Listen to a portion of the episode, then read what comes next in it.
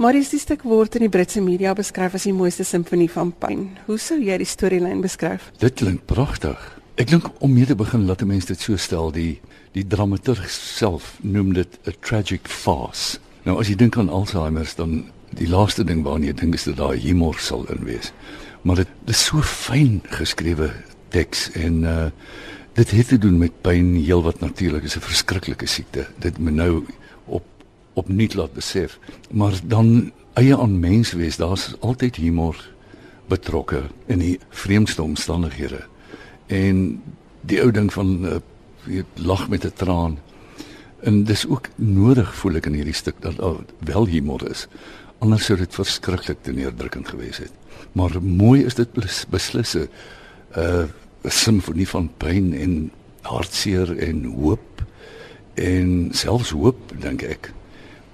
En dan geduld en liefde, liefde, liefde om vir die persoon wat daardeur gaan en die naastes aan hom. Dink jy die gebruik van kuns en teater om die lig te werp hierop het waarde?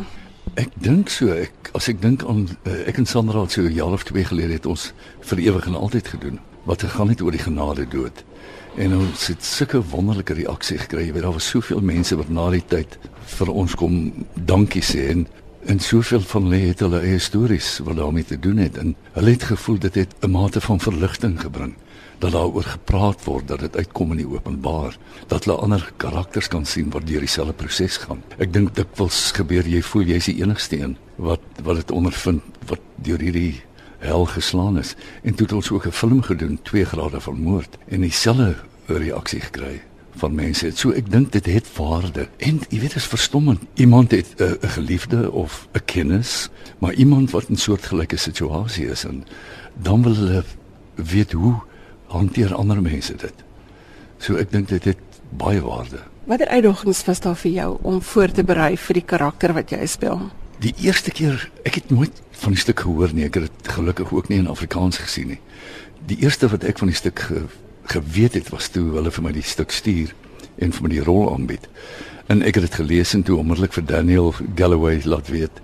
Ek het lanklaas so gehuil en gelag terselfdertyd en dis net een van daai wat jy voel jy moet doen. Jy kan nie nee sê nie. Dis 'n moeilike rol. Die dialoog is moeilik. Dit was hel om dit te leer want dit is nie 'n lineêre uh, vervolging van die storie nie. Hy spring in die toekoms in en dan terug in die verlede en die man praat soms onsamehangend. Dis dinge volg nie eintlik op mekaar nie. En so dit was moeilik om dit in die kop te kry en uh, jy weet dit my gelukkig baie gehelp. En uh toe ons uiteindelik by die punt kom waar ons dit moet doen, voor die tyd het ek gelukkig twee vriende gehad met wie ek gepraat het. 'n Vriendin van my, haar man het sy verloor deur Alzheimer. Ek het hom geken, so maar dit was goed vir haar om vir my te vertel wat die hele verloop van die siekte was hoe hy gereageer het, klein dingetjies. En dan 'n ander vriend van my, se vrou is 14 jaar gelede gediagnoseer. En sy is in 'n huis. En uh wat het met haar gebeur het en met hom natuurlik en dit was verskriklik belangrik vir my dit het my so veel gehelp en ek het dokumentêre films gekyk en uh uh boeke gelees en uh, toe ons nou eers begin repeteer het ek en die regisseur en die ander lede van die geselskap het lank gesels gehad daaroor en Weereens was dit opvallend hoe veel van hierdie klein rolverdeling het elkeen of 'n ouma of 'n tante of 'n broer of wat ook al. Vertel ons van jou karakter. Jy speel die karakter van Andre. Dit is die hoofkarakter in die storie. Geef ons 'n bietjie 'n agtergrond van wie hy is. Andre was 'n baie nugter mens. Hy was 'n ingenieur, baie prakties, sterk karakter, altyd in kontrole en ek dink hy was 'n bietjie hard op sy uh sy oudste dogter. En wat nou in 'n ongelukkige posisie is wat na nou hom moet omsien. Hy het ook 'n jonger dogter gehad, Elise, wat die appel van sy oog was. En uh, dan begin hierdie ding hom tref en soos Greg dit baie interessant doen, ons weet nie kyk ons na die die uh, die lewe soos dit nou in Andre se geval is of sien ons hierdie hele stuk deur Andre se geheue speel dit af soos hy dit onthou. Maar wat ook al met hom gebeur is, ek kan dit net speel in die in die realiteit en dit is dat hy word gediagnoseer met Alzheimer. Interessant, on, dit word nooit genoem in die stuk nie.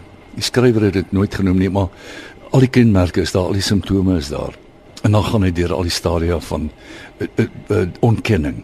En en hy's besig om kontrole te verloor en hy weet nie altyd hoekom nie en skielik herken hy nie mense nie. Sy eie dogter herken hy nie of daar's dinge wat hy nie onthou nie en hy weet nie wat is aan die gang met hom nie want soos wat hulle vir my gesê het, die persoon in die ontkenningsfase weier om te erken as iets verkeerd met hom.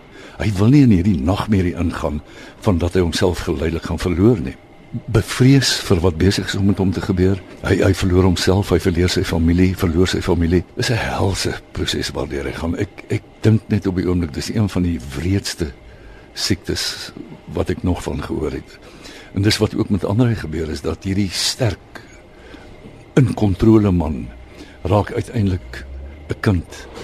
En uh, dis vreeslik seer, vreeslik tragies, maar hy doen ook dinge soos behalwe die ontkenningsfase is dat uh, hulle hulle is paranoïes. Mense wat probeer goed doen vir hom, sien hy aan is probeer hom skade berokken.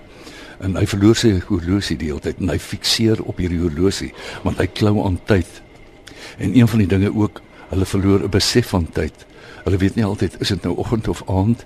Hulle hulle trek verkeerde klere aan en uh, aggressief, maar verskriklik aggressief soms teenoor die mense wat vir hulle omgee. En so dis dit is geweldige wyd eenlopende karakter wat wat dit wonderlik maak maar ook benoudend. Dis 'n Engelse stuk. Hmm. Wie saam met jou by vroeg? Anthea Thompson speel my dogter en ek is baie bly om teenoor haar te werk. Ek uh, bewonder haar werk al vir baie jare. En ehm um, dan is daar um, Emily Child, uh, Amy Louise Wilson, Nick Pauling, Brent Palmer en ons regisseur is Greg Carvelis saam met wie ek die eerste keer ook nou werk wat baie lekker is. En uh, die interessante ding wat die skrywer ook doen is en wat hy gehoor baie gooi is op 'n stadium hulle hulle sien eers wie my dogter is, dis Anthea. En dan in 'n toneel wat daarna volg, kom daar 'n ander vrou op. En as hy vra, "Wie is jy? Wie is jy? Waar's Anne?" Dan sê sy, "Maar dis ek. Ek is Anne." En dan kry die gehoor die gevoel wat hy moet deurgaan. En dan kyk deur sy oë na hierdie persoon wat hy wragtig nie herken nie. En dan voel hulle aan hulle vel, o, dis hoe dit is. En so dis 'n wonderlike tegniek wat die wat die skrywer gebruik.